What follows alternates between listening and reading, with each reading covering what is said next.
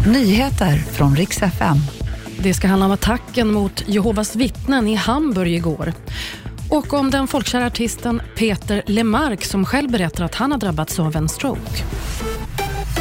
Vi ska börja med attacken mot Jehovas vittnen i Hamburg. Igår var, kväll var det alltså en man som öppnade eld. Åtta personer dog och ännu fler skadades. Bland de åtta som dog fanns bland annat en gravid kvinna, skriver SVT.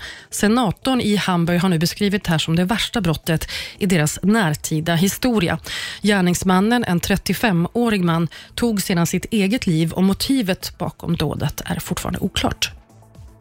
I Malmö ska 42 personer åtalas för oroligheterna efter påskupploppet här, skriver TT. Sju olika rättegångar ska hållas under våren och i den bland annat sex ungdomar som åtalas för grovt blåljussabotage. Och så kan vi berätta att den folkkära artisten Peter Lemark han har drabbats av en stroke. Det här berättar han nu själv i ett inlägg på Instagram. Livskartan ritas om än en gång, skriver Lemark som idag är 64 år. Bland annat så har synen påverkats på ena sidan han vet inte hur länge skadorna blir kvar, om de blir bestående eller inte. Vi önskar honom förstås ett så bra och snabbt tillfrisknande som möjligt. Och Det var nyheterna. Jag heter Maria Grönström.